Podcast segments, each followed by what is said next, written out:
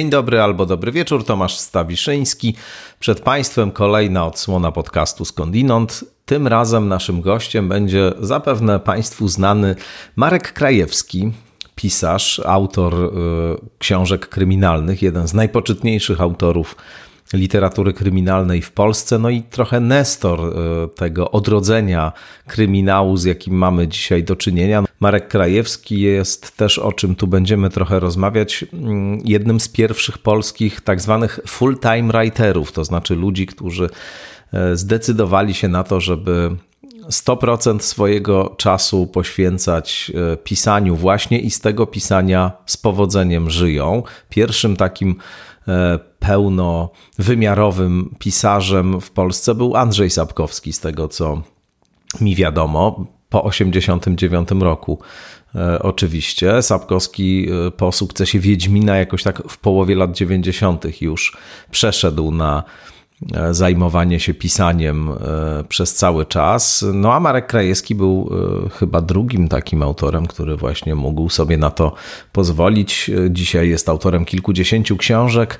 No i ma swoje miejsce niezaprzeczalne w historii najnowszej polskiego kryminału, polskiej literatury popularnej, choć to jest właśnie taki, taka etykieta, co do której ja mam zawsze poważne wątpliwości, co to właściwie znaczy ta literatura popularna. Na, na pewno literatura gatunkowa e, polska wiele Markowi Krajewskiemu zawdzięcza. No a nasza rozmowa, jak Państwo za chwilę usłyszą, była wielopoziomowa. Była e, rozmową tyleż o literaturze, o warsztacie pracy e, pisarza, ile o ideach, o filozofii, o złu, o naturze zła. To było coś takiego, co mnie specyficznie interesowało w rozmowie z Markiem Krajewskim, to właśnie czy ktoś, kto e, zajmuje się literacko od tylu lat e, badaniem e, i opisywaniem zła, no też budowaniem na przykład postaci, które dokonują strasznych czynów,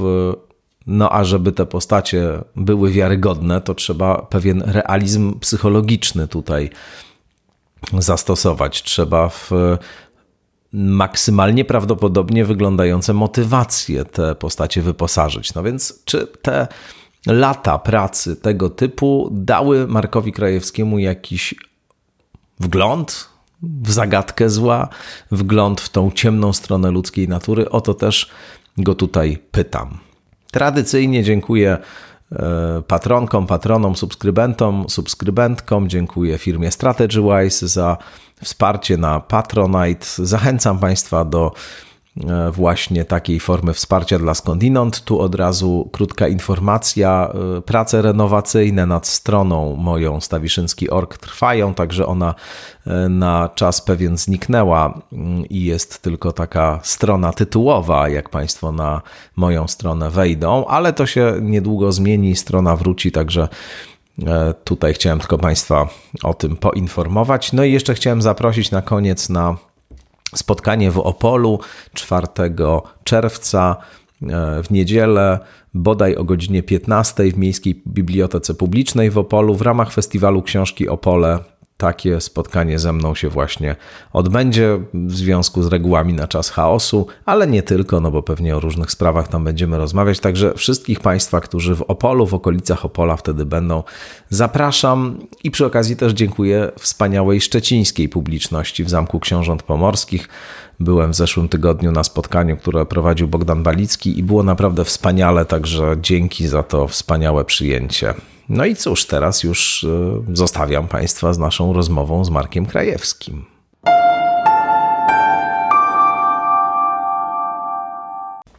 Marek Krajewski gości w podcaście Skądinąd. Dzień dobry. Dzień dobry.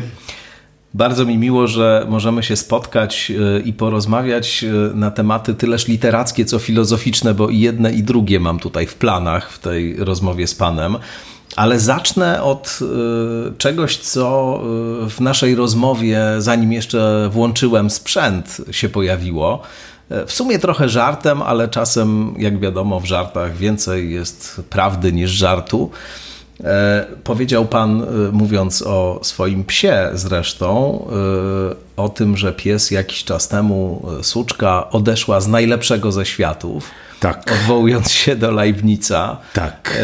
Rzeczywiście uważa pan, że na najlepszym ze światów żyjemy? Tak, jestem optymistą. Mhm. Leibniz mnie interesuje z wielu powodów, ale ten optymizm, który on wykazał w swojej koncepcji teodycei, no, broniąc w ten sposób, broniąc Boga przed zarzutami, przed e, stawianiem go przed Trybunałem, jak niektórzy sądzą, chociaż, chociaż e, tytuł Teodycea, gdyby tak przeanalizować z punktu widzenia etymologicznego, to nie zupełnie ma takie znaczenie, e, ale, ale mniejsza o to. Dość, że Leibniz, jest mi bliski. Po pierwsze poprzez swój optymizm, a po drugie poprzez metodę analityczną, hmm. którą stosował. Był to jeden z ludzi, którzy chyba ostatni mieli wiedzę o wszystkim w tamtych czasach. To jest przecież wiek XVII i XVIII wiek. Mm, Teodycea jest z początku XVIII wieku, jego najbardziej znane chyba dzieło. Leibniz e, interesuje mnie i obserwuję tutaj pewien renesans e, filozofii Leibnica. E, interesują się nim zwłaszcza obecnie informatycy, o ile mi wiadomo. No i mam przyjemność być członkiem Polskiego Towarzystwa Leibnicjańskiego. Cieszę się z tego powodu.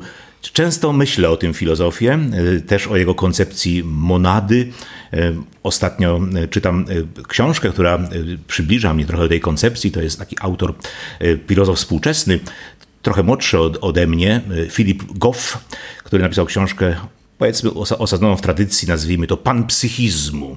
Ta książka nosi tytuł Błąd Galileusza. Czytam ją, bo jest napisana dobrym i prostym językiem, a ja nie jestem e, zawodowym filozofem i często ta bariera językowa e, e, mnie przeraża, czy odrzuca mnie od niektórych dzieł. Tu można to czytać swobodnie, książkę Legofa z wielką przyjemnością, a przy okazji no, porusza on bardzo ważne tematy w temat świadomości temat y, dualizmu psychofizycznego i tak dalej, i tak dalej. Ja bym się zatrzymał przy tym optymizmie na moment, tak. bo to jest ciekawe w kontekście pana twórczości, e, którą ja właściwie od samego początku jakoś śledzę i pierwsze powieści z Eberhardem Mokiem czytałem, jak one się, wtedy, kiedy one się ukazywały. W ogóle zawsze byłem wielbicielem e, literatury kryminalnej i literatury grozy skądinąd, e, o czym tutaj też trochę w tym podcaście już zdarzało mi się mówić, ale to, co mnie, e, przyznam, bardzo pociągało w pana prozie i pociąga do dzisiaj, to był mrok. To było coś takiego właśnie bardzo ciemnego, to nie były takie kryminały, z których cała atrakcyjność polega na tylko efektownej intrydze, że się to czyta z takim mm, e, poczuciem, że chce się już wiedzieć wreszcie, kto zabił, tylko to była proza, jest gęsta, ciemna, mroczna, głęboko pan wnika w takie najciemniejsze strony ludzkiej natury. E, I ciekawi mnie właśnie e, zestawienie tej prozy z pańskim no optymizmem. No właśnie, tak. To się często taki e, tak. pojawia takie pytanie, taka wątpliwość u moich rozmówców.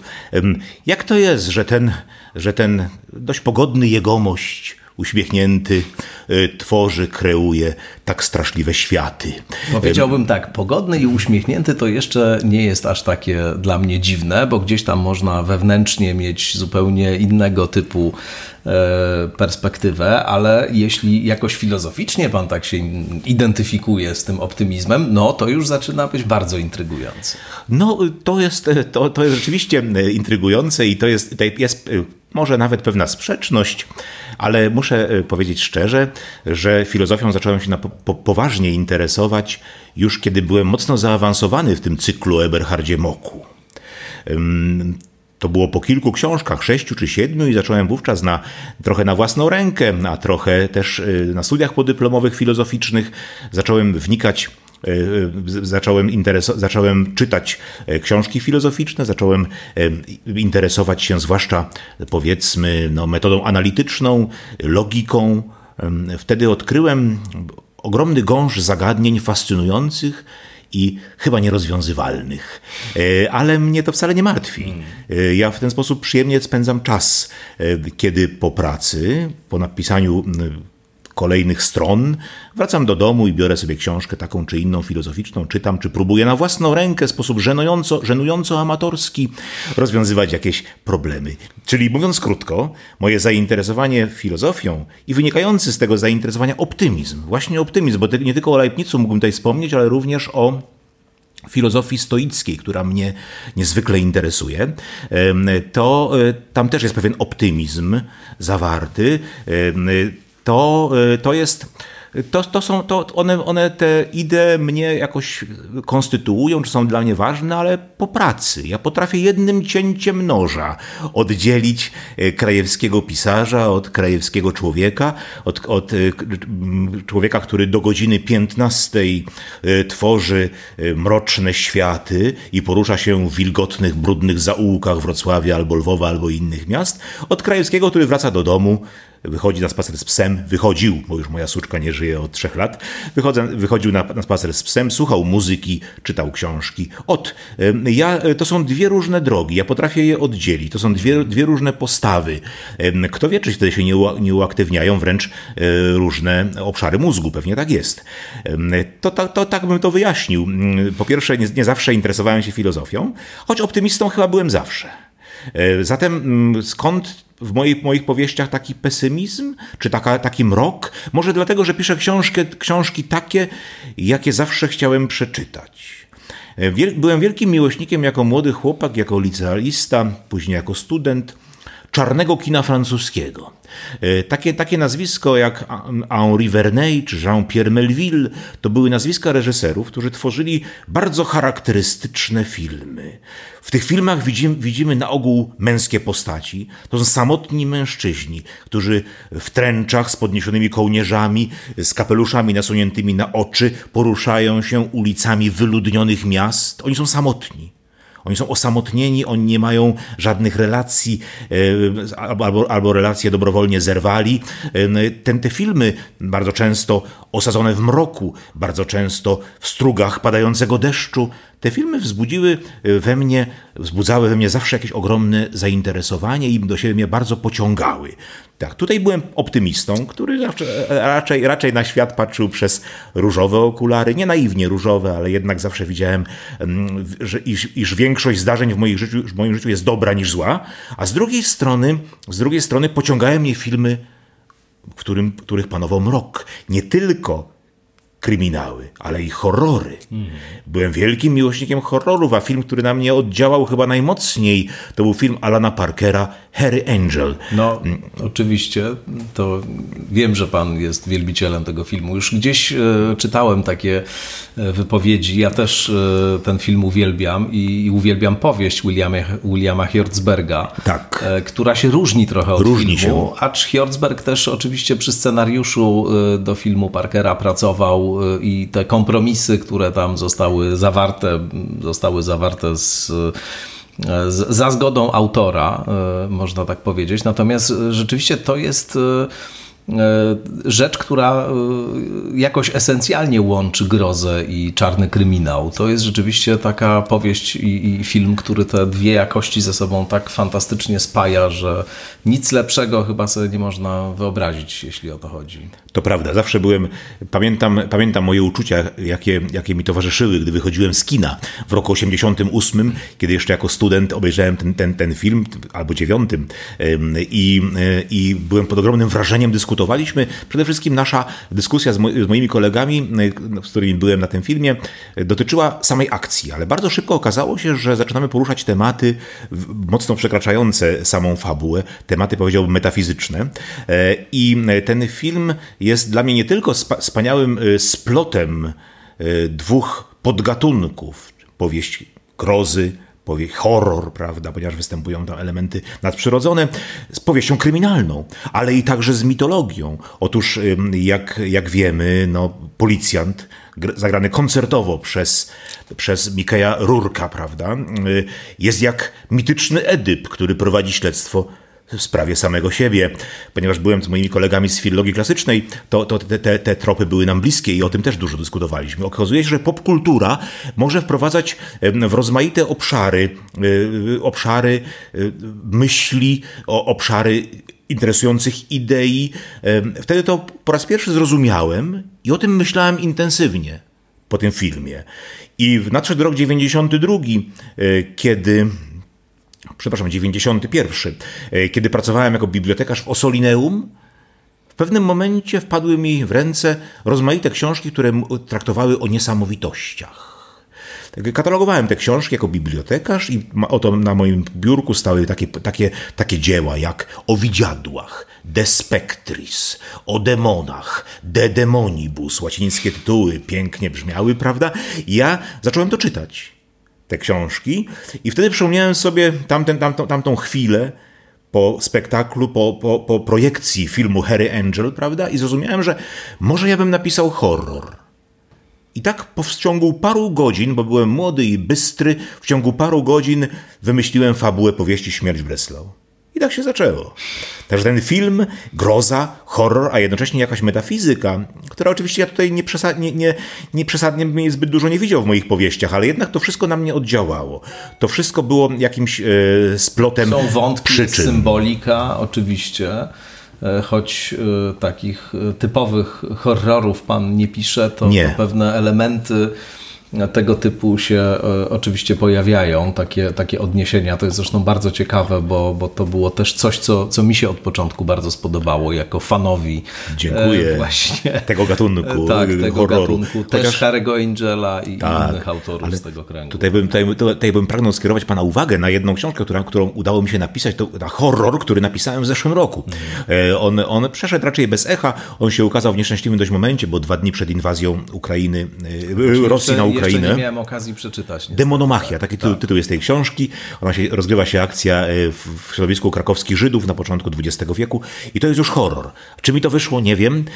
E, Starałem się jak mogłem, e, żeby, żeby poznać inny zupełnie świat i ten świat przedstawić właśnie w takich barwach, no już które bardzo ciemnych, które mają oddziaływać mocno, mają budzić grozę. Czy mi się udało? E, Nie wiem. Zobaczymy. Ciekaw jestem pańskiej opinii. Przy okazji może o tym porozmawiamy. Z przyjemnością. Próbowałem wejść na to poletko, ale jednak najlepiej się czuję na poletku kryminalnym czy szpiegowskim.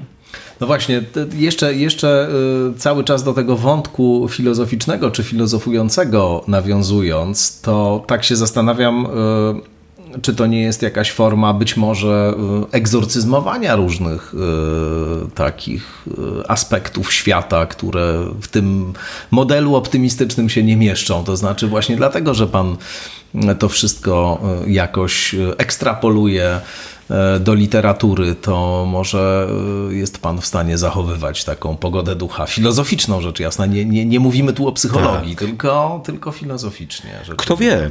Kto wie? To ciekawe rozpoznanie, czyli ciekawa hipoteza. Nigdy o tym nie myślałem w ten sposób, że, że e, nagle cały mrok, który nas otacza, ja ten cały mrok jakby e, ściskam, e, jakby e, stłaczam e, i, i, i, i ten ekstrakt, po- powiedzmy, e, występuje, czy ten ekstrakt włączam do moich powieści kryminalnych. To jest ciekawe rozpoznanie. Być może tak jest. Musiałbym się nad tym głębiej zastanowić. Kto wie, może to jest, może te powieści kryminalne są e, rodzajem ucieczki od zła, e, które, które e, nas otacza, które w nas tkwi, które nas ogarnia. Bardzo możliwe. Wtedy, kiedy zacząłem pisać kryminały, jeszcze nie miałem takich przemyśleń, jeszcze nie zastanawiałem się tak bardzo nad tymi zagadnieniami psychologicznymi, czy nie dokonywałem własnej e, autowiwisekcji. Nie dokonywałem wtedy, jeszcze później o, o, o sobie bardziej intensywnie myślałem i o moich różnych postawach i wyborach, natomiast wcześniej chyba nie. Wcześniej byłem skromnym pracownikiem e, Instytutu Filologii Klasycznej, który prowadził zajęcia z gramatyki dla studentów filologii klasycznej. Interesow- nigdy nie, nie interesowała mnie e, literatura specjalnie. Interesowała mnie matematyka i gramatyka. Em, Zatem em, literaturę, interpretacje literackie rozmaite i takie filozofujące interpretacje literackie, powiedzmy, uważałem za, za e, produkowanie mniej lub bardziej przyjemnej, ale jednak no, makulatury. bardzo ciekawe. Mniej lub bardziej przyjemne tak. oczywiście. To jest, to, jest, to jest bardzo drastyczne, to co powiedziałem w tej chwili. Może, może trochę przejaskrawiam, ale, ale tak było wtedy. Tak było wtedy. Marek Krajewski, Anno Domini 99, po prostu interpretacje literackie wszelkie, czy, czy y, filozoficzne, które, które były nie, nie, nie oparte na dokładnych, sztywnych definicjach.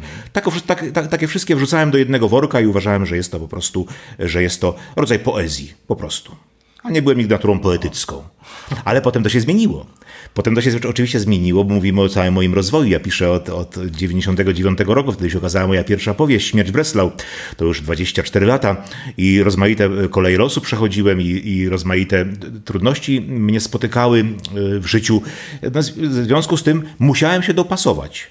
Ale jedno było pewne zawsze, że starałem się dopasować do świata a nie świata dopasowywać do mnie. Tutaj byłem jakby takim y, y, y, zgodny, nie, jeszcze nie przeczuwałem dokładnie późniejszej mojej fascynacji stoicyzmem, ale muszę się panu przyznać, rzadko to robię, ale moim takim drogowskazem mojej młodości był Zbigniew Herbert. Mhm.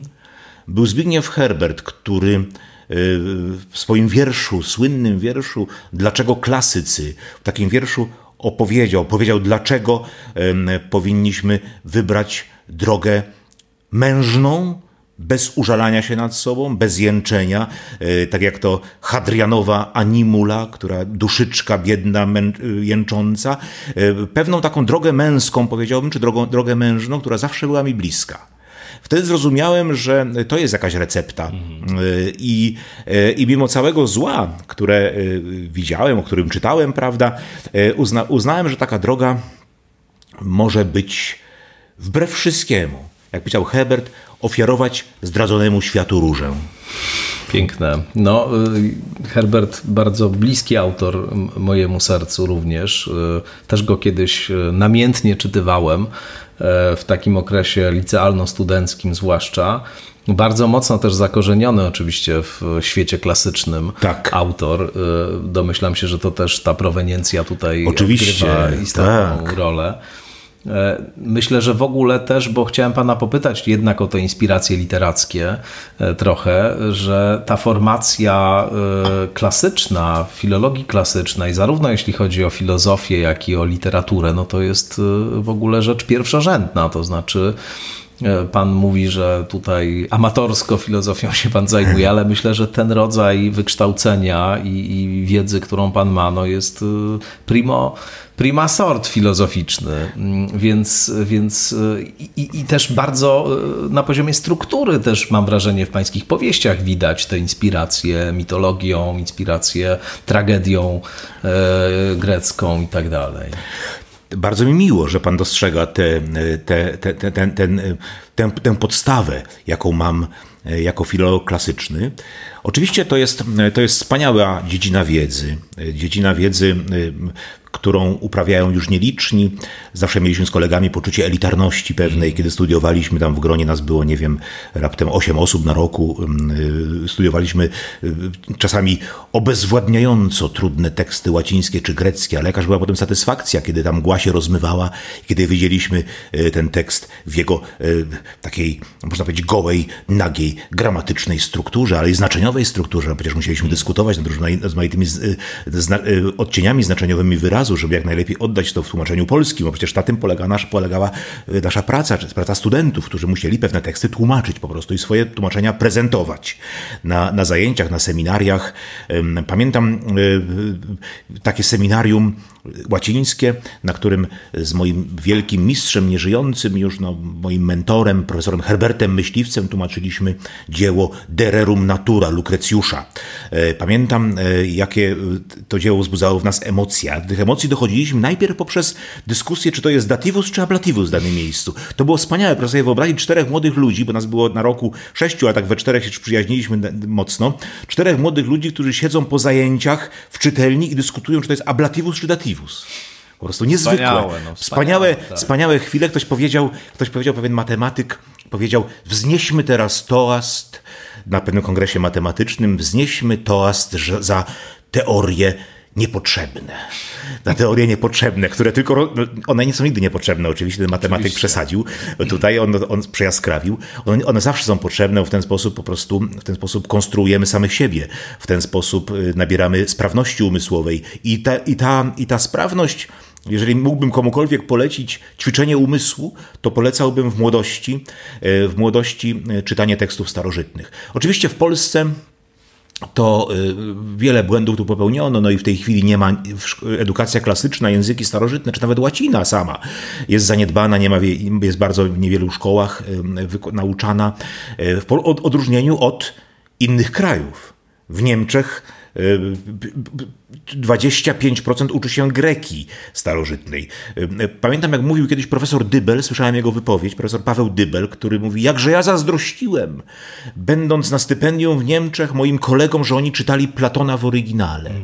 Nawet jeżeli nie czytali, nawet jeżeli nie czytali płynnie, nawet jeśli nie mogli, nie mogli od razu z oryginału wyłuskać tych bardzo charakterystycznych struktur myślowych, to jednak oni potrafili dojść do tego rdzenia do znaczenia wyrazu, przeanalizować dziesięć różnych znaczeń i z tego wybrać znaczenie, którego nie masz w języku polskim, które się składa z kilku słów. To jest piękne. I ta, I ta formacja starożytna, no, jeżeli mógłbym komuś polecać, to każdemu rzeczywiście, e, tylko że w młodości, w wczesnej młodości albo w latach studenckich. Później już, Później już jest to trudne, tak sądzę. Trudne jest to, wiem e, z własnego doświadczenia.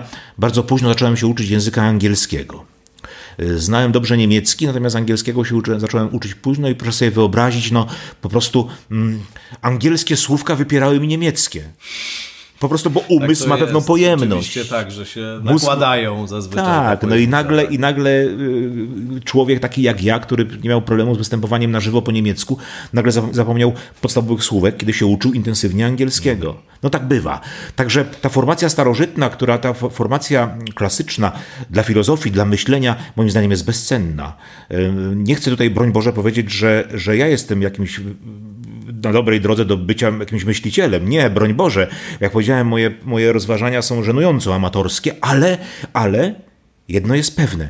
Staram się dojść do znaczenia wyrazów. Tego, tego mnie nauczyła e, filologia i staram się też właśnie budować struktury, struktury dramatyczne, fabularne, w sposób jak najbardziej uzasadniony, w sposób jak najbardziej zazębiający, nie chcę używać logiczny, bo tutaj weszlibyśmy na inne pole nieco, ale tak, żeby się zazębiały, tak, żeby jedno wynikało z drugiego. Kiedy patrzę na moją, na rozpisany plan powieści, y, to są... Jak wygląda taki rozpisany plan u Pana? O właśnie. Może... Jest program znakomity, mm -hmm. mogę, mogę go śmiało zareklamować. Scrivener nazywa się. Mm -hmm. Scrivener, taki program, który pomaga, który jest świetnym programem do pisania prac naukowych. I e, jak on przypomina w pewnym momencie, jeden z jego, jedna z jego postaci e, przypomina tablicę korkową. Mm -hmm. Na tablicy korkowej rozpisujemy sceny. Ja rozpisuję sceny. Scena po scenie tworzy szkielet fabularny powieści. Wiadomo, że sceny akcji, sceny y, mocnej narracji, gdyby była jedna po drugiej, to mielibyśmy do czynienia wówczas z kiepskim filmem akcji. Zatem sceny narracji muszą być przedzielone scenami opisowymi, psychologicznymi również.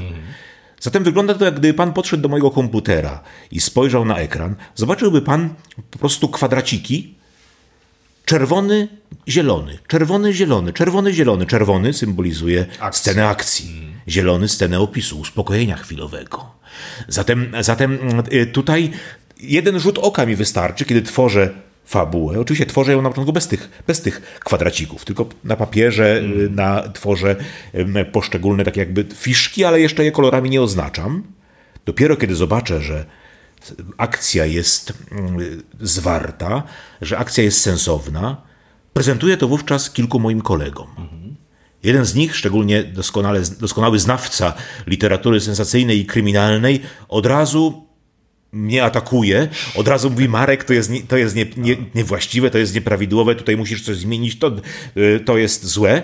Y, to to jest żenująco, powiedzmy, bardzo proste do odgadnięcia przez czytelnika. Przecież musimy zamazywać ślady. To jest bardzo ważna e, działalność, czy bardzo ważna strona mojej pisarskiej działalności. Zamazywanie śladów, wpuszczanie czytelnika w maliny.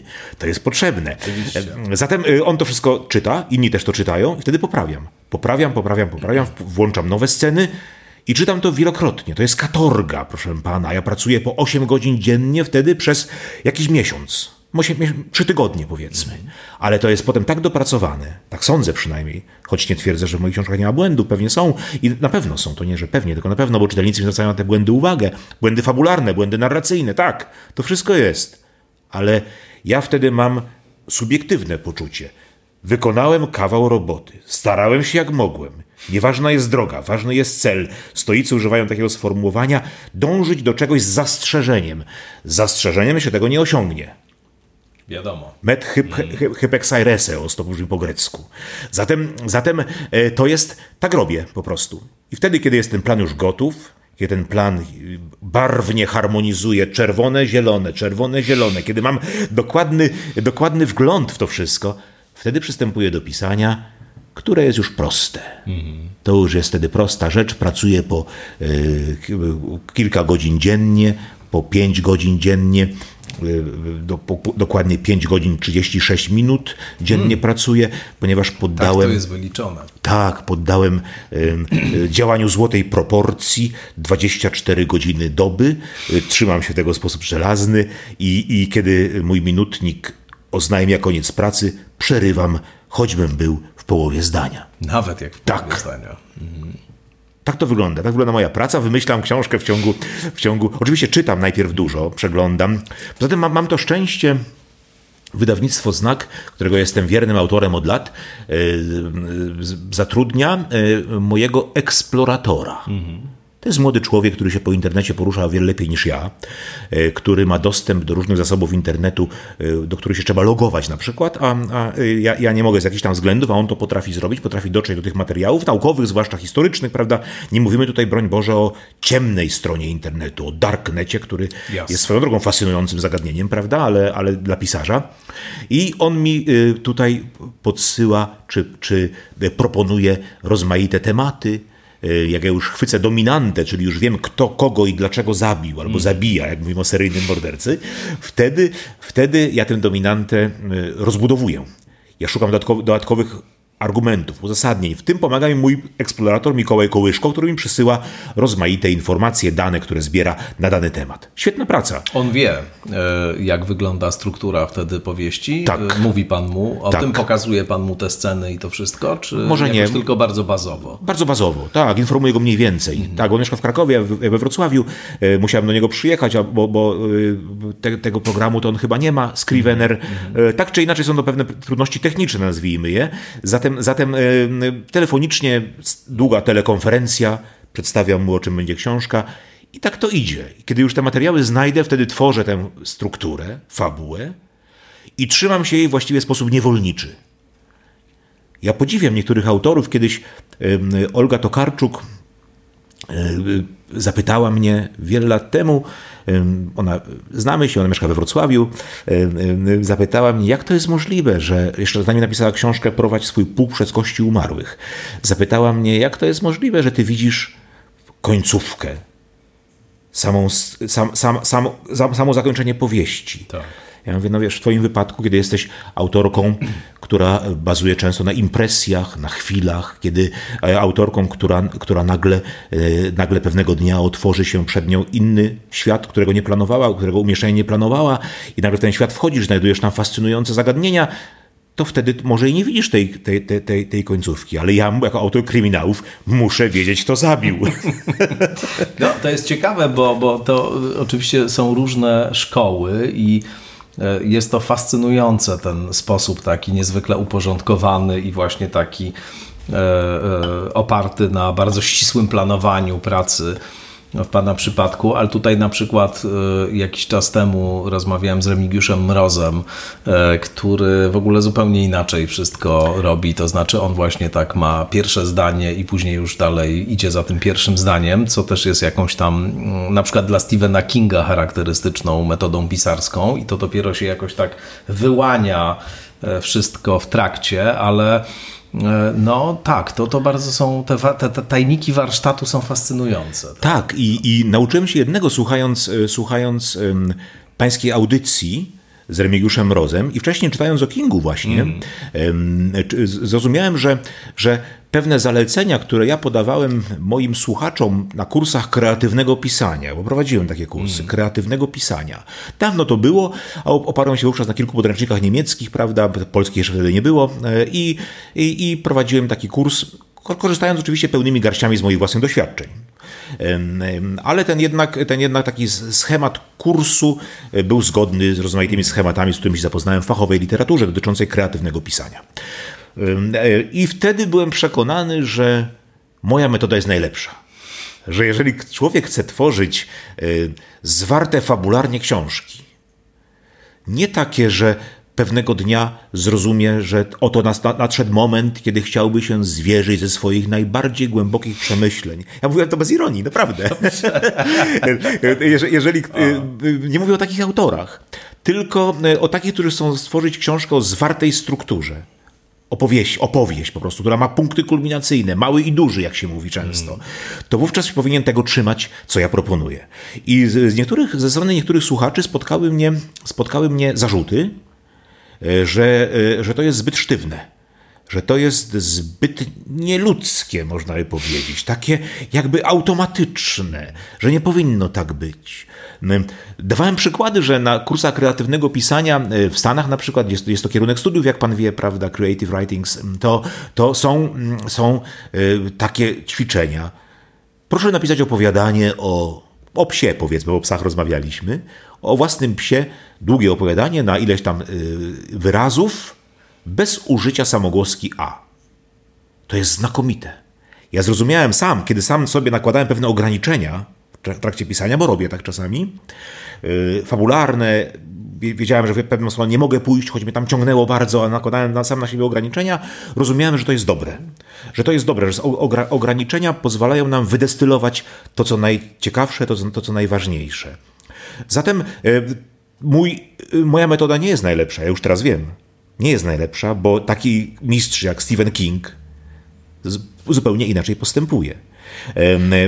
Też trzeba powiedzieć, że te książki są strukturalnie jednak trochę inne. To znaczy, on nawet kiedy pisze kryminalne powieści, to to nie są takie kryminały, właśnie, gdzie ten mechanizm jest tak doskonale naoliwiony, tylko one w dużym stopniu też bazują na psychologii postaci, Oczywiście. na przykład bardziej niż na takiej właśnie dopiętej na ostatni guzik intrydze i tak dalej. Więc to też jest efekt finalny, jest nie, nieco inny niż ten, o którym my tutaj rozmawiamy. Tak, być może.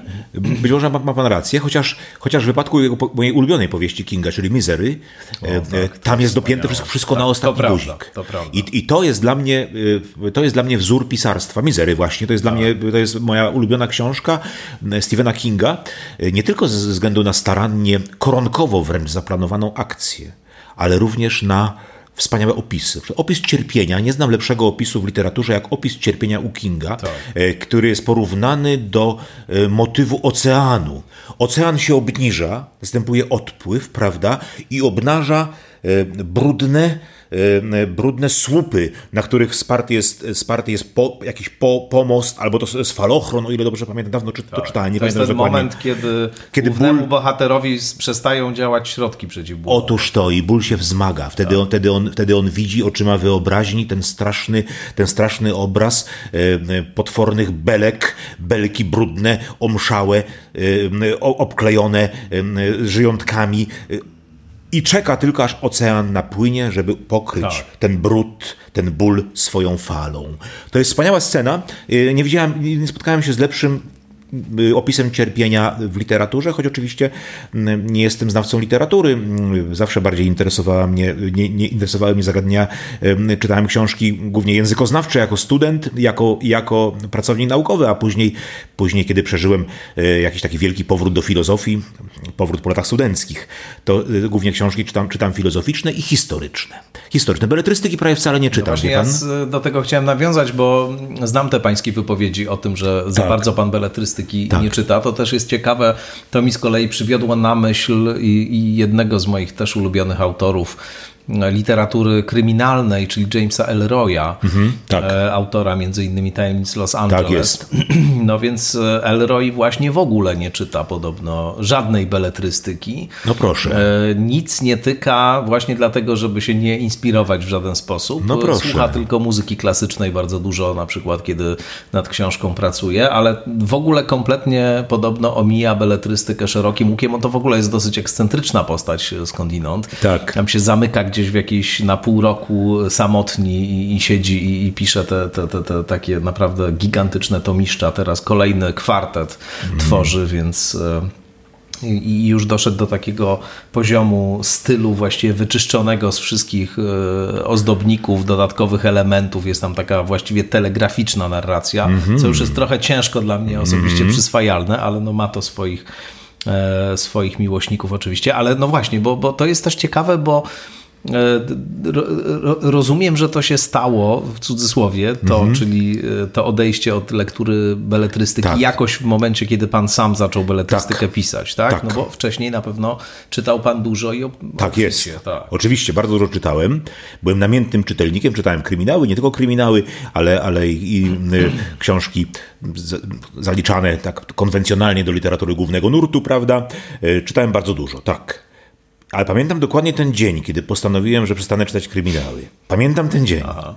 We Wrocławiu byłem w Instytucie Pamięci Narodowej. Udałem się tam po to, aby przejrzeć akta milicji obywatelskiej za lata 48-49. Wówczas pisałem moją książkę w otchłani mroku, która się okazała w roku 2014, o ile dobrze pamiętam. Otóż yy, yy, yy, czytałem i oto natrafiłem na mrożącą krew w żyłach opowieść. Raport milicyjny. Brzmiało mniej więcej tak.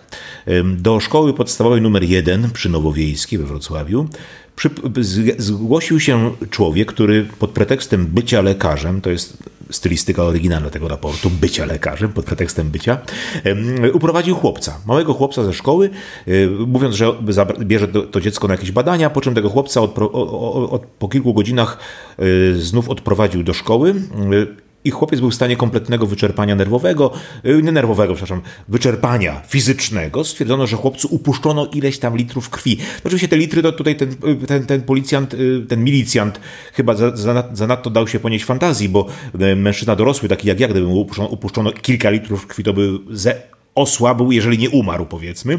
Natomiast, natomiast tutaj taki był, taka była treść tego. I proszę sobie wyobrazić, że natychmiast mój umysł zaczął pracować Pomyślałem sobie, świetny motyw. Siadłem do samochodu, mało wypadku nie spowodowałem, nie najechałem na inny samochód, bo tak intensywnie myślałem. Już widziałem oczyma wyobraźni. Szajka, po wojnie, brakuje krwi, łapią dzieci, upuszczają im krew, sprzedają. Już widziałem dominantę utworu. Do domu przyjechałem. Żona mówi do mnie: Marek, kupiłam ci książkę. Lubisz tę autorkę? Mo Haider nazywa się, autorka angielska. Jeżeli ktoś mówi, że u mnie jest makabra w moich powieściach, to powiem, że to jest przedszkole makabry, a u Mo Haider jest prawdziwa, prawdziwa akademia makabry. Otóż Mo Haider mm, napisała książkę pod tym Rytuał. I w tej książce jest opowieść o tym, jak gang w Londynie, współczesnym Londynie, porywa narkomanów, ludzi, których nikt nie dba, którzy są na marginesie życia.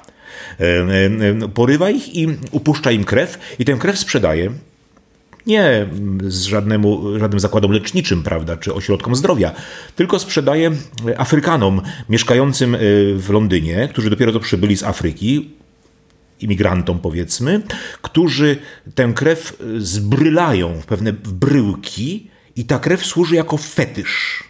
Ba, ta krew jest wieszana na lusterkach samochodowych, bo odpędza złe oko policjantów, którzy mogliby zaczepić no, Jesteśmy w obrębie oczywiście wierzeń no. animistycznych i tak dalej, i tak dalej, prawda? No i w tym momencie taka książka, znakomita książka. Przeczytałem Mo Haider Rytuał w ciągu jednej nocy. I mój umysł został zakotwiczony. Mhm. Wtedy cokolwiek pisałem, wie pan, cokolwiek.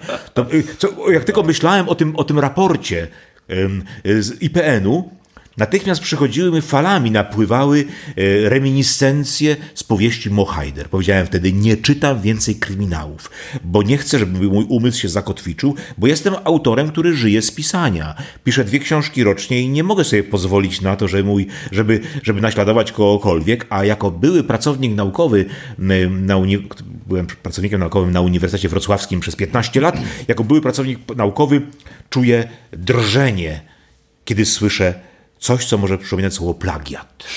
Zatem, zatem nigdy więcej i dlatego kryminałów nie czytam. Oczywiście robię tu wyjątki. Robię wyjątki dla, dla beletrystyki e, dość często.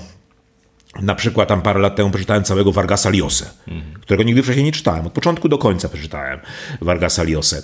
E, e, czytam czasami książki moich kolegów po piórze, którzy są na tyle uprzejmi, że proszą mnie o opinię, prawda, żadnego tam znawcy, ale mogę opinię wygłosić jako praktyk, powiedzieć, że tutaj na przykład za dużo jest opisów, albo tutaj jest, y, za bardzo się ciągnie coś przez kilka stron, o takie tych techniczne zupełnie uwagi. To czasami czytam, tak, czytam, ale to nie za często, nie za często. Zwykle czytam y, po pracy, kiedy przychodzę do domu, to czytam książki historyczne dla inspiracji i filozoficzne dla przyjemności. Mm.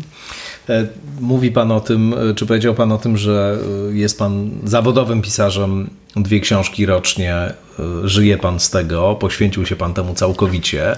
No teraz e, ten rynek literatury kryminalnej wygląda zupełnie inaczej niż w momencie, kiedy Pan tak. zaczynał. Tak. I był Pan w zasadzie chyba jednym z pierwszych tak. takich full-time full writerów, jeśli można użyć tego tak sformułowania, jest. po Andrzeju Sapkowskim, tak. który chyba był pierwszy rzeczywiście w Polsce, no bo on już tam gdzieś w połowie lat 90. właściwie rzucił e, pracę w handlu zagranicznym i zaczął zajmować się Wiedźminem na e, pełen etat.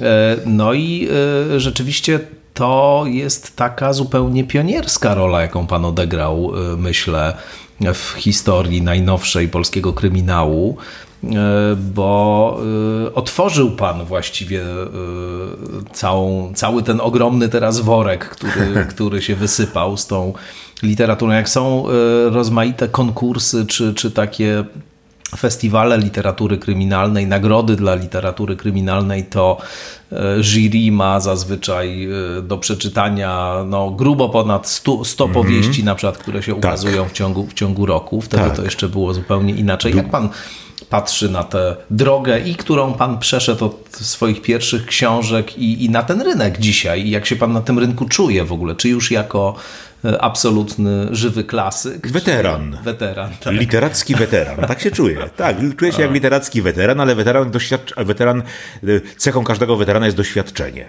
E, wiem doskonale, jak się na tym rynku poruszać. Wiem doskonale, jak udzielać wywiadów, bo przecież praca obok pisania, praca medialna, spotkania autorskie też wymagają pewnego doświadczenia, y, właściwego zachowania, zwłaszcza teraz, kiedy, kiedy y, wszystkie y, te spotkania mogą być zarejestrowane i żyją w internecie, prawda? I w każdej chwili ktoś może zajrzeć i zobaczyć czegoś niestosownego. Trzeba uważać na słowa, trzeba uważać na, na ekspresję.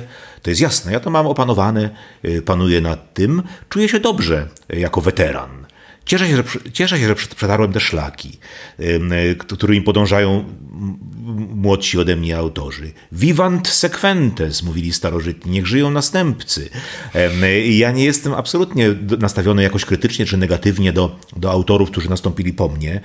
Nie sądzę, żeby oni byli, żeby oni, nie traktuję, nie traktuję ich jako konkurencję, która, która mi zabiera ten kawałek tortu, prawda? Nie, ja robię swoje po prostu. Robię swoje z uporem, dwie książki rocznie, intensywnie pracuję. Nie widzę żadnego zagrożenia.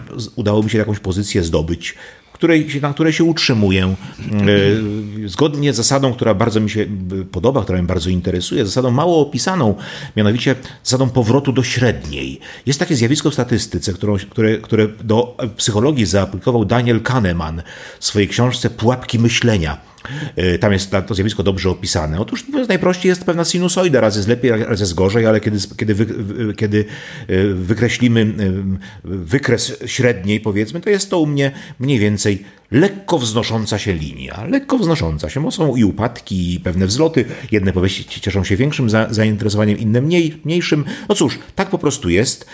Byłem pierwszy. Jako, jako autor kryminału byłem pierwszy i pierwszy zacząłem żyć z pisania. Ale jeżeli chodzi o literaturę popularną, to ma pan rację, Andrzej Sapkowski. Oczywiście byli obok y, nas literatur, y, twórcy głównego nurtu, którzy Tacy jak Paweł Hüle, e, jeden z moich ulubionych autorów, e, tacy jak Olga Tokarczuk, jak, jak Andrzej Stasiuk, e, ale oni, oni tworząc literaturę wysokoartystyczną bardzo często korzystali ze stypendiów prawda, tak. artystycznych.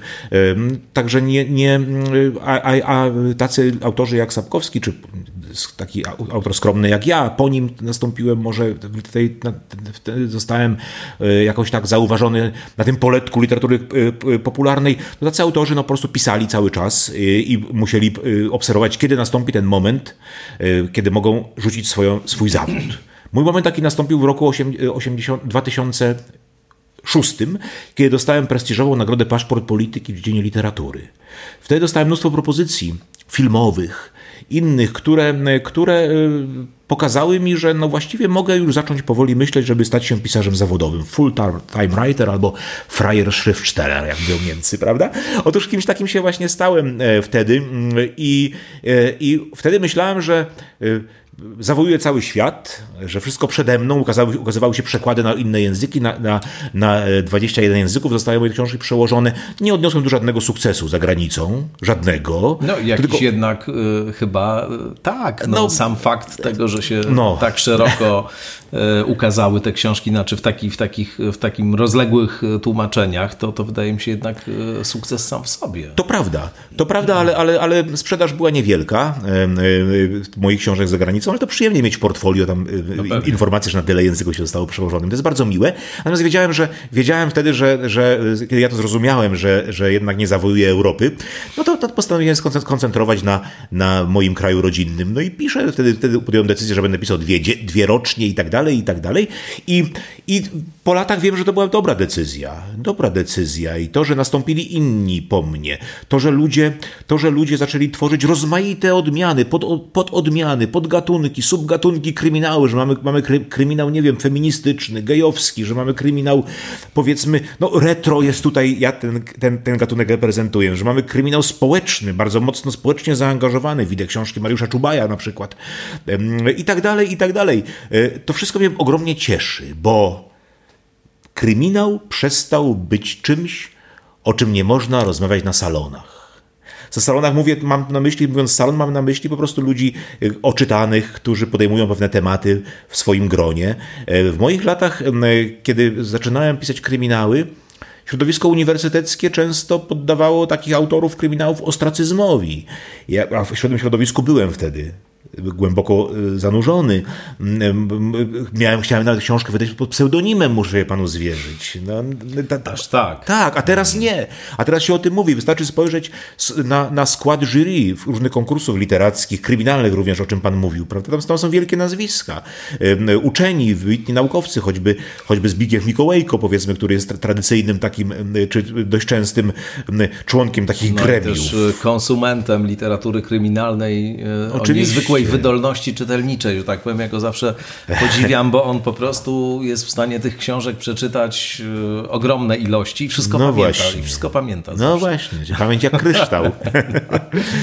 E, ja, to, ja to pamiętam jako y, wtedy w latach 90. nastolatek, y, który się zaczytywał i horrorem, i literaturą kryminalną, e, wtedy też obficie tłumaczoną oczywiście, tak. przede wszystkim właściwie prawie wyłącznie Często kiepsko tłumaczoną, często niestety bardzo tak. kiepsko, to prawda. Teraz szczęśliwie trochę tych autorów tłumaczonych wtedy bardzo źle jest na nowo tłumaczonych. Tak. To spotkało Clive'a Berkera, na przykład jednego z moich ulubionych mhm. autorów. Jego opowiadania Księgi Krwi się na nowo ukazały w tłumaczeniach o wiele, o wiele lepszych w wydawnictwie MAG niedawno. E, ale, ale pamiętam, e, bo literatura w ogóle mnie bardzo też interesowała, nie tylko gatunkowa, ale ta głównonurtowa, nazwijmy to mhm. także e, ale też i fantastyka polska, na przykład bardzo dużo nowej fantastyki wtedy też czytałem i tych autorów z kręgu nowej fantastyki. No i pamiętam dobrze ten rodzaj y, niechęci, jaką darzono literaturę gatunkową wówczas tak. i, i, krytyków takich y, prominentnych, głównonurtowych, którzy w ogóle uważali, że tym to nie ma się co zajmować i to są jakieś zupełnie y, rzeczy nie, niepoważne i niewarte uwagi i też rodzaj takiego na przykład zrozumiałego dla mnie w pełni w środowisku fantastyki, no, rozgoryczenia, jeśli chodzi tak. o tego typu właśnie podejście do tej literatury, bo, bo tam było mnóstwo naprawdę w polskiej fantastyce świetnych autorów, nie tylko bynajmniej Stanisław Lem, ale, ale wielu innych, którzy no, rzemiosło literackie mieli opanowane naprawdę doskonale i, i mm. wspaniałe opowieści tworzyli. Tak. I to szczęśliwie rzeczywiście już trochę się powoli zmienia, choć jeszcze nie tak całkiem. Nie tak całkiem sądzi pan. Tak jak, jak, jak, jak, jak, jak rozmawiałem z Niemcami swojego czasu, wiele lat temu, kiedy moje książki ukazywały się w Niemczech, e, to tam spotykałem różnych ludzi, y, często pracowników naukowych, y, y, ludzi akademii,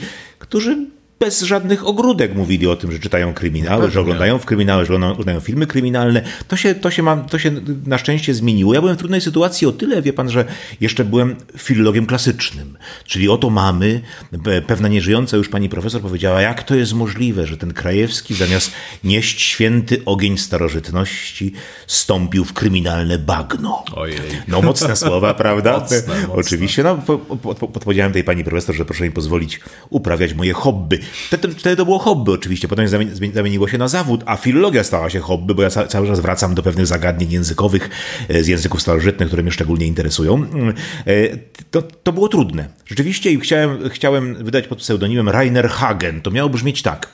E, Rainer Hagen, śmierć w Breslau, przełożył Marek Krajewski. Ale mój wydawca, ówczesny wydawnictwo dolnośląskie, y, powiedział, panie Marku, niech się pan nie wygłupia, y, nie będziemy tego robili absolutnie. Powiedzieli mi, że być może, być może będziemy wydawali pańskie, pańskie następne książki, to nie róbmy takiej zasłony dymnej. To mnie zresztą mile jakoś połechtało, że oni widzą we mnie potencjał, że następną książkę mogę wydać. No i tak właśnie wyszło. Tak się, tak się, to, tak się to stało. Pamiętam pierwsze chwile, one były dość ciekawe, pierwsze chwile mojego życia literackiego, e, takiego e, powiedzmy promowania książek udział w programie Kawa czy Herbata, w programie pierwszym w telewizji. Nerwy straszne na żywo, prawda, występuje, będę zaraz mówił, a nuż powiem coś nie tak, a nuż e, popełni jakiś błąd gramatyczny, a moi studenci, którzy znają mnie jako surowego pana od gramatyki, będą potem mi to wytykać latami. E, bałem się tego. E, kamery telewizyjne, światła kamer uruchomiły silny wypływ potu na mojej głowie. Zatem tak po prostu było. Tak było. Albo, albo pierwsze spotkanie autorskie. Jestem zaproszony do biblioteki do biblioteki, e, do pewnego miasta wojewódzkiego, którego nazwę przemilczę. E, Dzień bibliotekarza. Zgromadzili bibliotekarzy z całego województwa i jedno pytanie, jakie dostałem, ja to mówiłem o Wrocławiu, o mojej fascynacji Wrocławiem i tak dalej, a jedno pytanie dostałem takie, o słyszę, że pan dobrze chyba zna niemiecki. Jak jest po niemiecku salceson? Bo my z koleżanką dyskutujemy o tym, o różnych słówkach. Jak jest salceson po niemiecku? Akurat wiedziałem, no udało mi się, prawda? I odpowiedziałem. Takie są początki. Primordia semper aspera sunt. Początki zawsze są trudne, a potem, jeżeli ta droga została już teraz mocno przetarta prze, przeze mnie i prze, przez ludzi mi podobnych, prawda? To teraz jest kolejna trudność bo autorzy po prostu mają kłopot wejściem do tego nurtu, bo ten nurt jest bardzo gęsty, jest tam dużo już innych. Ludzie, czytelnicy nie mają, nie mają y, portfeli z gumy, zatem muszą podjąć decyzję, czy tym razem sobie pozwolą na kryminał retro, czy na kryminał tak. powiedzmy feministyczny, na przykład. Zatem, zatem y, tutaj jest y, poważny problem. Młodzi, aspirujący, coraz, coraz gorzej mają. Ja myślę, że teraz bym żadnej kariery nie zrobił, gdybym teraz zadebiutował. No, tego nie wiemy. Ja bym tak e, nie powiedział absolutnie, ale ale rozumiem tę figurę retoryczną. Tak. Ja jeszcze myślę o tym, że rzeczywiście, bo, bo to też jakoś zawsze mnie interesowało, to napięcie, nazwijmy to, czy, czy konieczność, a może nie konieczność, ale, ale jakaś decyzja o tym, żeby z tej kariery akademickiej zrezygnować i, i się poświęcić swojemu hobby właśnie. E, bo, bo pan też zawsze opowiada o tych wszystkich sprawach związanych z e, filologią klasyczną, szeroko rozumianą, tak. czy z tym światem, z e, ogromną pasją. To znaczy, ja sobie wyobrażam, że te pańskie zajęcia musiały być fantastyczne. Sam bym chciał chodzić na takie zajęcia z gramatyki łacińskiej z panem. Jestem pewien, że to było coś niesamowitego, bo E, ten rodzaj właśnie pasji, zainteresowania, e, błysku wokół, e, który się pojawia u Pana, kiedy Pan do tych wątków nawiązuje, to, to jest cały czas słyszalne. I zastanawiam się, na ile to, na ile się pan z tą decyzją jakoś mocował, na ile to był, to w panu walczyło ze sobą, czy, czy też może to było takie zupełnie oczywiste i naturalne? To była trudna decyzja. Trudna decyzja, dlatego że y, naukowcem byłem takim sobie, natomiast wykładowcą chyba nie najgorszym. Y, I, i zajęcia uwielbiałem z studentami, zajęcia, y, kon, konwersatorium z gramatyki łacińskiej, wykład z językoznawstwa porównawczego. To wszystko było fascynujące. I mimo, że niewielki, niewielki może entuzjazm wzbudzały moje zajęcia, to jednak raz na jakiś czas natrafiałem na osoby, które, które no, widziałbym na przykład w roli współpracowników przyszłości, jakichś doktorantów, prawda, i współpracowników. Marzyłem o tym, żeby stworzyć taką własną szkołę językoznawczą, prawda, z zakresu językoznawstwa łacińskiego oczywiście, mówiłem o językoznawstwie materiałowym, nie ogólnym. Teoria języka wtedy była mi jeszcze nieznana, nie interesowała mnie, później dopiero tym się zacząłem interesować mocniej, jak zacząłem czytać o Wittgensteinie i samego Wittgensteina, ale traktat zwłaszcza, bo nie, nie późniejszego. Mm. W każdym razie, wracając do tej, tej, tej, tej chwili, kiedy podjąłem podjąłem decyzję. Pamiętam jak dziś ostatnie moje zajęcia, kiedy przedstawiłem moim studentom y, pewną, pewną, y, y, pewien niuans z zakresu teorii łacińskiej akcentuacji. I powiedziałem, jak ja mogę ten niuans, ten pewien mały problem nieduży rozwiązać, tworząc nową definicję akcentu łacińskiego. I powiedziałem o tym, i wtedy przyszła do mnie studentka po zajęciach i mówi do mnie, w innym kierunku pan powinien pójść. Ja tutaj widzę możliwość rozwiązania. To był świetny pomysł, a jednocześnie dojmujące uczucie. To są moje ostatnie zajęcia. Ten pomysł nigdy nie ulegnie e, zrealizowaniu. Nigdy nie nabierze ciała ten pomysł. Nigdy. Oczywiście można powiedzieć, nic się nie stało dla ludzkości, że, jakiś, że jakaś nowa definicja łacińskiego akcentu się nie pojawiła, prawda? Ale, ale, ale, ja, uwiel, ale, ale ja uwielbiałem dążenie do prawdy w najmniejszych niuansach, w najmniejszych detalach, powiedzmy, kiedy mogłem zrozumieć do końca jakieś zagadnienie, kiedy mogłem coś tak zdefiniować, że wszystko stawało się jasne. E, to była, to wtedy, wtedy czu, słyszałem prawie, że anielskie pienia. E, to, to była ta chwila, dla której warto było pracować i wiedziałem wtedy, że już nigdy anioły nie zaśpiewają Magnificat, mm -hmm. że to są moje ostatnie zajęcia i już, i już e, nigdy ten problem nie zostanie rozwiązany. On po prostu zajmie, zajmie miejsce na jakimś, jakimś, na cmentarzu problemów nierozwiązanych.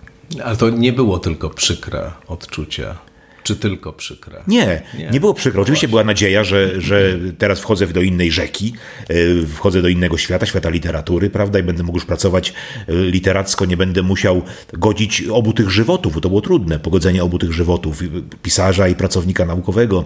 Choćby no, trzeba było jeździć na spotkania autorskie, promować książki, a tutaj zajęcia trzeba odbyć. Ktoś z kolegów mnie zastąpił, ale potem ja muszę tego kolegę zastąpić, problem z salami nieustannie i tak dalej, i tak dalej. No zna pan rzeczywistość akademicką, prawda, tak to, tak to wygląda W związku z tym były, były to często problemy. E, ale nie tylko o to chodzi, nie chodzi o to, że sal nie było i tak dalej. Tylko nagle zrozumiałem, że, że mogę więcej zrobić, e, będąc literatem, że już dorobiłem się w rzeszy wiernych czytelników, że nie mogę ich jakoś zawieść, że nagle nie mogę przestać, e, a też nie mogłem pisać, pracując jednocześnie jako pracownik naukowy. W związku z tym to była dramatyczna decyzja, żal po stracie, oczywiście żal taki mnie ogarnął, zwłaszcza po tych ostatnich zajęciach, ale z drugiej strony, no jednak pewien powiew wolności, Ja mam trudny charakter dosyć, a jako wolny pisarz już nie miałem nad sobą żadnego szefa. No tak, to jest e, też e, pod wieloma względami e, komfortowa sytuacja, żeby go nie mieć. Tak, to tak, tak jest. Absolutnie się zgadzam. Powiedział Pan o tym pragnieniu rozumienia do końca i o tym pragnieniu poznawania prawdy. I zastanawiam się, na ile te lata spędzone na pisaniu książek, w których e, jest mrok, tak jak powiedzieliśmy, i to mrok gęsty. E, książek, w których powiedziałbym, intryga jest tyleż istotna, co psychologia zbrodni bo to też mi się wydaje jakoś ważne u Pana i to też zawsze mi się bardzo podobało, że ten wymiar psychologii mm, zbrodni Dziękuję. jest nam bardzo, bardzo istotny. Na ile ma Pan poczucie, że się Pan jakoś do tej sfery ludzkiej natury zbliżył poprzez e, tworzenie tych opowieści? Czy to jest tak, że Pan ma poczucie dzisiaj, że Pan lepiej rozumie zło e, tkwiące w ludzkiej naturze, tak to nazwijmy? Czy innymi słowy, na przykład, kiedy E, usłyszał pan e, o inwazji Rosji na Ukrainę. Podaję taki mm -hmm. przykład, ale on mm -hmm. jest pierwszy z brzegu, bo e, po prostu chwytliwy i taki, który nas wszystkich angażuje, ale może to dotyczy, nie wiem, historii, którą pan czyta w gazecie, może jakichś dramatycznych doniesień o kimś, kto popełnia jakąś drastyczną zbrodnię E, albo może dotyczy to jakichś postaci historycznych, o których wiemy, że dopuszczały się czynów wyjątkowo okrutnych, czy powiedzmy, ma Pan takie poczucie, że po tych latach e, eksploracji tych rejestrów lepiej Pan to rozumie? Lepiej Pan rozumie takie figury, takie postacie, takie osobowości, a może mechanizmy bardziej, które do tego prowadzą, e, właśnie do, do, do takich czynów, czy nie? Chyba nie. nie. Jeżeli już, jeżeli już to eksplorowanie no, mrocznych y, stron ludzkiej natury, czyli opisywanie motywacji zbrodniarza, stawiało przed mną pytanie. Pytanie, no, które zadaje sobie każdy początkujący y, w dziedzinie filozofii, skąd zło, prawda? Skąd się zło bierze w ludzkiej naturze? I ja, to pytanie było no, uporczywe. Ono się nieustannie pojawiało, ponieważ, ponieważ ono wynikało nie tylko, nie tylko z moich przemyśleń, a jak już panu powiedziałem, zawsze mnie interesowała kwestia teodycealna. Y, to nie tylko z moich przemyśleń, ale również z pytań, które mi stawiano. Bo bardzo często ludzie autora traktują jak eksperta, pisarza. Tak. Broniłem się przed tym rękami i nogami zawsze. Zawsze się broniłem, bo pytano mnie na spotkaniach autorskich, panie Marku, no pan jako autor kryminałów, niech pan mi powie, skąd w ludziach jest takie zło? Tak. No i y, ja nie potrafiłem na to pytanie niczego sensownego odpowiedzieć ale, ale jestem profesjonalistą, więc nie mogę, nie mogę takich pytań pozostawić bez odpowiedzi. I zacząłem rzecz zgłębiać. E, I pierwsze, na co natrafiłem, to była psychologia ewolucyjna. Zainteresowałem się mocno psychologią ewolucyjną, przeczytałem książkę Davida Bassa na ten temat, prawda, potężną pracę, inne jeszcze książki, y, która wtedy, wtedy, wtedy była w Polsce modna. To, to był końcówka lat, y, powiedzmy, to był rok 2008-2009, pojawiało się mnóstwo opracowań z zakresu tej, tej, dziedziny, do dziś zresztą się pojawiają takie opracowania, choćby w świetnym wydawnictwie Copernicus Center Press, prawda. Otóż, otóż y, wtedy, wtedy zrozumiałem, że zwierzęcy, zwierzęca część naszej natury jest odpowiedzialna za zło. Tylko pytanie się pojawia, a jak oddzielić tę część zwierzęcą od części ludzkiej? Gdzie tu jest linia demarkacyjna? I tu jest ogromny problem. Chciałem tę linię wyznaczyć. Zacząłem szukać odpowiedzi w języku. Ale natychmiast natrafiłem na opracowania, że zwierzęta też mają język. Wprawdzie bezskładni, prawda? Język nie dwuklasowy, ale jednak. I tak dalej, i tak dalej. Czyli mówiąc krótko, jak byłem w gąszczu, tak i jestem. Ale jedno jest pewne, że, że życie literackie i pisanie kryminałów i związane z tym spotkania z ludźmi i pytania stawiane przez tych ludzi natchnęły, natchnęły, natchnęły mnie pasją do e, eksploracji, no powiedzmy, filozoficznych. Stąd się to wzięło. Czyli tak naprawdę, naprawdę, ponieważ nie mogłem zostawić tych pytań bez odpowiedzi, a amatorskich zupełnie odpowiedzi nie chciałem udzielać, no to musiałem to i owo poczytać. W tym sensie zrozumiałem lepiej ludzką naturę, jak sądzę. Lepiej niż przed, przed, y, przed tymi eksploracjami oczywiście, bo żadnym znawcą ludzkiej natury nie jestem. Ale już coś mi świta. Już w tej chwili mogę, y, ta, ta linia demarkacyjna powoli się u mnie y, krystalizuje. Już potrafię ją mniej więcej wyznaczyć. Teraz tego nie będę robił, bo to wymagało dłuższego wywodu, i, ale, ale coś już tutaj widzę. Widzę światełko w tym, na tym poznawczym horyzoncie. I do tego światełka z, z, z przyjemnością Y, dążę, y, chcę, chcę, je, chcę na nie spojrzeć uważnie, choć moje oko jest słabe i nieuzbrojone w mikroskop, ale jednak, jednak coś widzę, że się z daleka majaczy. I, tym, i, tym, i, w tym, i w tym kierunku idę. W tym sensie. A to oddziałało na prozę? Tak. Hmm oddziałało na prozę. Na przykład jest moja taka powieść, jest moja powieść w otchłani mroku. Mhm. I w tej powieści się pojawia y, y, ważny motyw filozoficzny. Y, jest człowiek, który jest pewien, to się dzieje po wojnie we Wrocławiu, dwaj mężczyźni, dwaj nauczyciele, młodzi jeszcze nauczyciele, jeden był więźniem z Auschwitz, więźniem Auschwitz, postanawiają założyć podziemną szkołę. Nazywają to gimnazjum subterraneum. Podziemna szkoła, e, gdzie uczyliby wybranych uczniów mm, prawdziw, uczyliby filozofii, języków starożytnych i historii Polski nieskażonej, nie przemielonej przez, e, przez propagandę ówczesną. W tej, e, wśród tych uczniów pojawia się zdrajca. Edward Popielski zostaje poproszony o poprowadzenie prywatnego śledztwa. I tam jest starcie tych dwóch profesorów, ich idei. Jeden jest miłośnikiem Fryderyka Niczego, drugi jest takim właśnie y, y, trochę, trochę, trochę zwolennikiem poglądów Wiktora Frankla, człowiekiem, który drąży problemy nie tylko teodycei, ale patodycei, jak to Frank określił, prawda? Y, który mimo, że przeżył straszliwe chwile w Auschwitz, jest optymistą. Starcie tych dwóch profesorów i walka o duszę ich studentów. W pewnym momencie stają przed wyborem. Nie mogą razem prowadzić zajęć, muszą robić to osobno. I ich studenci nie mogą jednocześnie studiować u jednego i u drugiego i stawiają tych studentów przed wyborem. Wybierzcie któregoś z nas. I prezentują swoje, e, swoje poglądy. Dochodzi do eksperymentum crucis, do e, eksperymentu krzyża. I dalej nie będę zdradzał, bo, e, bo czytelnicy straciliby przyjemność czytania tej powieści w otchłanim roku.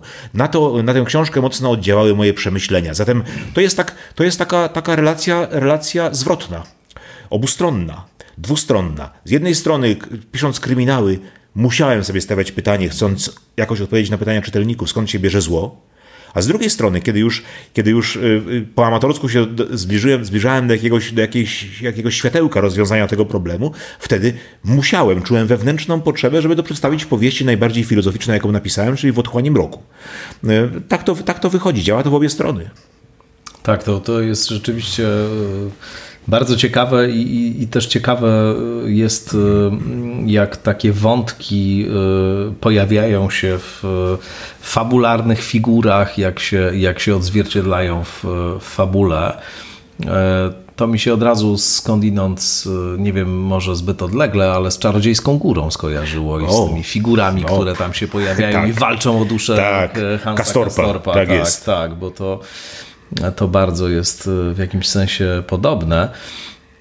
E, no cóż, e, jeszcze chciałbym Pana zapytać rytualnie, bo to zapewne jest pytanie, które wielokrotnie pada, o Eberharda Moka i o pożegnanie z Eberhardem tak, Mokiem jako tak. wielbiciel tej postaci. Zostawia Pan tutaj otwartą furtkę i przeczytałem e, ku swojej jednak uciesze, że nie wyklucza pan e, jakichś powrotów do, do, do Moka, choć nowy bohater jest też wspaniały i też wiem, że będzie postać jakaś zupełnie nowa zupełnie jesienią nowa. Tak. i coś takiego, co powiedział pan w jednym z wywiadów, zaskoczyć może nawet Zaskoczy. pana wielbicieli, czy dlatego, że to będzie współczesna powieść? Cóż, z Mokiem się pożegnałem rzeczywiście, ale naciskany przez y, moich rozmówców, czy na pewno, czy na pewno, panie Marku, czy na pewno to jest definitywne rozstanie? No mówiłem tak, tak i tak cały czas, no ale jak, jak człowiek odpowiada na pytanie tak, to jest mało interesujące. e, dla, dla później czytelników różnych mediów, dla słuchaczy, prawda? Trzeba to jakoś uzasadnić, trzeba coś więcej dodać.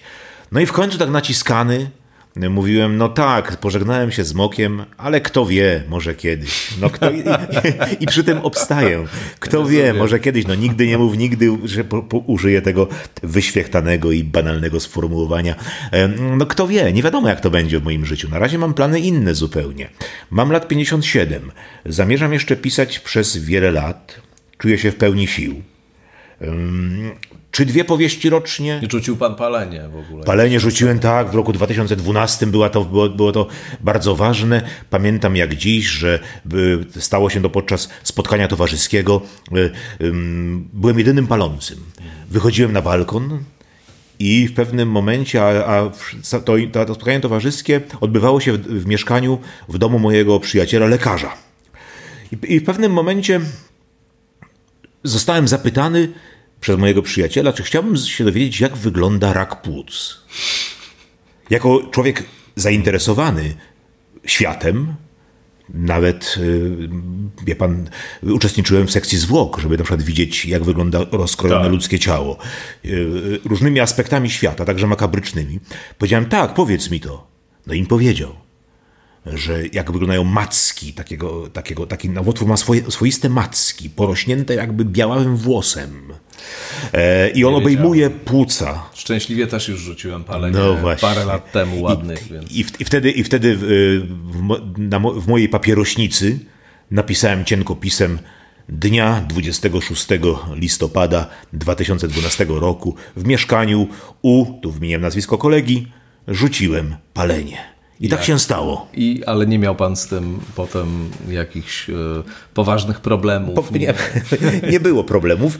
Przyznaję, nie miał pan takiej maniery, żeby pis, e, pisząc palić? Nigdy nie paliłem przy pisaniu. Aha. E, paliłem wyłącznie, właściwie najwięcej paliłem przy brydżu. Mhm. Jestem, jestem, byłem zapalonym brydżystą, e, grałem brydża sportowego w latach moich studenckich na Uniwersytecie Wrocławskim, potem towarzysko grałem i wtedy paliłem bardzo dużo. Natomiast przy pisaniu nigdy nie paliłem, ponieważ papierosy, nikotyna wprowadzały mój umysł w zamęt i, i źle, mi się, źle mi się pisało, kiedy do tego dochodziła, dochodziło silne skupienie, to po prostu bolała mnie głowa. O wiele bardziej niż y, zwykle po tak zwanym przepaleniu. Bolała mnie głowa. Zatem, zatem rzuciłem palenie oczywiście, tak jest. Nie pi- Alkohol też pan rzucił. Nie piję alkoholu, tak, od wielu, wielu lat. Alkohol, alkoholizm y, przeorał moją rodzinę, hmm. dotknął moich najbliższych i zrozumiałem, wie pan, w pewnym momencie, że mój bohater, Eberhard Mock, który nadużywa alkoholu, bardzo mocno, prawda? Że on właściwie nie ponosi żadnych konsekwencji. Że jedyną konsekwencją, jaką, jaka, jaką, jaką mogłem opisać, jaką opisywałem, to była, nie wiem, rozdarta podszewka płaszcza, y, podarte, pod, pogniecione spodnie, y, poszarpany czubek buta. To wszystko. A przecież wiem doskonale, jakie są konsekwencje alkoholizmu, nadużywania alkoholu. Wtedy czułem psychiczną niewygodę żebym opisywał kolejną eskapadę pijacką, kolejną odyseję po knajpach Eberharda Moka. I ta niewygoda poskutkowała powieścią antyalkoholową, jaką jest powieść Golem. W tej powieści Mok znajduje się na dnie alkoholowego upadku. I później już piją coraz mniej. Gdyby ktoś prześledził moją twórczość pod tym kątem, to by zobaczyłby tę zmianę. E, to była zmiana, która e, była ważna dla mojej rodziny i dla mojego życia, bo w tym roku, kiedy, kiedy nastąpiła zmiana, zmiana w twórczości literackiej, w moim życiu również nastąpiła zmiana. Wtedy też, solidaryzując się z moimi bliskimi, rzuciłem, e, przestałem pić alkohol, co było jedną z lepszych decyzji w moim życiu. W tej chwili świat widzę we właściwych proporcjach. Ja do tego nawiązałem, bo e, gdzieś e, tutaj do tej naszej rozmowy też się przygotowując, czytałem sporo z, pan, z Panem rozmów I, I w jednej z rozmów e, zapytano pana o jakieś rytuały związane z kończeniem książki. Kiedyś e, były I takie. Wtedy właśnie pan powiedział o tym, że pan wypijał sobie tak, wino i palił tak, papierosa, paliłem, co też mi się tak. skojarzyło z powieścią z, z Mizery. Mizery oczywiście. Tak, ja, ja tutaj naślad... Sheldon właśnie dokładnie tak robi. Ja tutaj naśladowałem Pola Sheldona właśnie. tak właśnie było, dokładnie tak. Przeczytałem, przeczytałem y, obejrzałem film najpierw Mizery tak. przed, przed laty, prawda, z świetną rolą Jamesa Kana i Kathy Bates, prawda, i, y, i wtedy pomyślałem, pomyślałem sobie, że jak ja bym był pisarzem, to też bym tak robił. I faktycznie robiłem tak. Może nie wypijałem całą butelkę wina, lampkę powiedzmy, papierosa zapalałem, ale papierosy wtedy normalnie paliłem, także to nie był żaden rytuał. Natomiast rytuały mam takie przy pisaniu, że nastawiam minutnik, to już o czym już mówiłem, prawda, i pracuję tak. tyle, a tyle godzin. Kiedy muszę przerwać sobie pisanie, idę zrobić herbatę, powiedzmy, to wtedy minutnik wyłączam. Pracuję przy pulpicie podnoszonym i... Nie w domu. Nie w domu, mam, mam, mam literacką pracownię, takie malutkie pomieszczenie, gdzie pracuję. Z domu wychodzę z kanapkami jak do pracy, prawda, z teczką idę do pracy, tak, i mam pulpit, który jest podnoszony. E, mój kręgosłup się bardzo cieszy z tego powodu. E, pracuję 25 minut przy pulpicie siedząc, 25 minut przy pulpicie stojąc. 25 minut z pewnych względów matematycznych, których nie będę tutaj, tutaj nad którymi nie będę się rozwodził, prawda, I, i tak postępuję. To są moje rytuały. Lubię herbatę. Bardzo lubię mocną herbatę. Znalazłem świetną herbatę irańską, którą parzę w, w takim w zestawie dwóch czajniczków, tak po turecku, jak to się mówi, prawda? Bardzo lubię mocną herbatę w małych szklankach. E, kawy piję mniej znacznie niż kiedyś, ale też się ograniczam do dwóch, trzech filiżanek. To, to są moje właściwie rytuały. Papierosów nie palę, pracuję, pracuję zawsze od godziny powiedzmy dziesiątej, bo, bo, idę na piechotę, idę do mojej pracowni literackiej, to mi zajmuje około 40 minut, przez piękne miejsca we Wrocławiu, przez centrum Wrocławia i, i wracam tą samą drogą, także codziennie Pięć mam... razy w tygodniu. Pięć razy w tygodniu, tak. W soboty nie pracuję. W sobotę nie pracuję, w soboty załatwiam sprawy rodzinne, a domowe. W niedzielę, a w niedzielę? W niedzielę odpoczywam, po mm. prostu odpoczywam i, i, i, i tutaj y, chciałem nawiązać do, do, do tego, panu się, panu się, u pana się pojawiło skojarzenie z Jamesem Elroyem, prawda? Tak. E, którego właśnie pierwsze tłumaczenie powieści Tajemnice Los Angeles było wręcz strasz, straszne. Tak, tak. Pierwsze tłumaczenie. A film znakomity, oczywiście. Świetny, e, tak. Prawdziwy taki czarny kryminał ponury. Otóż Elroy, jak pan powiedział, jest, nie czyta kryminałów, oraz jeszcze jedną cechę pan wymienił jego. Słucha muzyki klasycznej. Tak, dużo. otóż to. Ja, ja słucham dużo muzyki. Słucham dużo muzyki klasycznej, chodzę do Filharmonii Wrocławskiej, nazywa się to Narodowe Forum Muzyki, a y, mam, jestem szczęśliwym posiadaczem no, aplikacji, którą można, którą można mieć, w którym jest cała muzyka klasyczna świata w różnych wykonaniach, prawda. Kiedyś, kiedyś rozróżniałem, powiedzmy, że oto mamy do czynienia z muzyką barokową, a, a oto, z romantyczną, a w tej chwili widzę więcej, że potrafię nawet, powiedzmy, wykonawców rozpoznawać, nie, nie we wszystkich utworach, ale w tych, które są mi najbliższe. Mhm. Myślę, że to jest piękna puenta, ten taki uporządkowany świat y, Marka Krajewskiego, ale zarazem i mrok i szaleństwo, które spływają do książek po prostu i dlatego nie muszą się ujawniać w tym świecie po prostu. Być tak może. mogli powiedzieć. Tak? Być może, zgadzam się. Zgadzam się. Być może jest to trafne rozpoznanie, że oto, oto y, wtłaczamy w książkę wszelkie, kazamy, każemy iść do książki, uciekać, ściskamy tam wszystkie nasze demony. Tak, to jest, to jest y, myślę, ogromna, ogromne, ogromny przywilej i ogromne szczęście y, mieć tego typu możliwość takiego właśnie lokowania tam tego wszystkiego, ale też zarazem y, dzielenia się y, tym z innymi i, i tym samym umożliwiania jakiegoś katarzis, bo ja myślę, że jednak kryminał dzisiaj też jest tego typu czy spełnia tego typu funkcje, poza pewną tezą Zgadzam się. Zbigniewa Mikołajko, że kryminał jest dzisiaj tym, czym powieść w XIX wieku jest tak. zwierciadłem przechadzającym się po gościńcu. gościńcu tak, znam, znam, znam tę tezę, bardzo, bardzo jest interesująca. Natomiast tak, chyba tak. Chyba jest to e, rodzaj katarzis, bo ja, e, jaki jest cel mojego pisania, można by powiedzieć? Dlaczego pan pisze książki? Odpowiadam krótko. Żeby skrócić komuś ponure listopadowe popołudnie, żeby skrócić komuś podróż pociągiem relacji Wrocław-Warszawa. Chcę dostarczyć rozrywki, ale także z radością bym przywitał taki obraz, że oto czytelnik w ciepłym świetle lampy odkłada moją książkę i mówi Uff, należało się tej bestii, mówiąc o mordercy, a świat wraca w utarte, porządne kolejny. No, piękne katarzis, absolutnie. Oby tak było. Oby tak było. Bardzo serdecznie dziękuję za dziękuję. spotkanie i tę rozmowę. Dziękuję bardzo, było mi bardzo miło. Mnie również. Marek Krajewski, gościł w podcaście Skądinąd. E, dzięki raz jeszcze. Państwu też dziękujemy oczywiście, no i zachęcam do kolejnych odsłon Skądinąd. Do usłyszenia.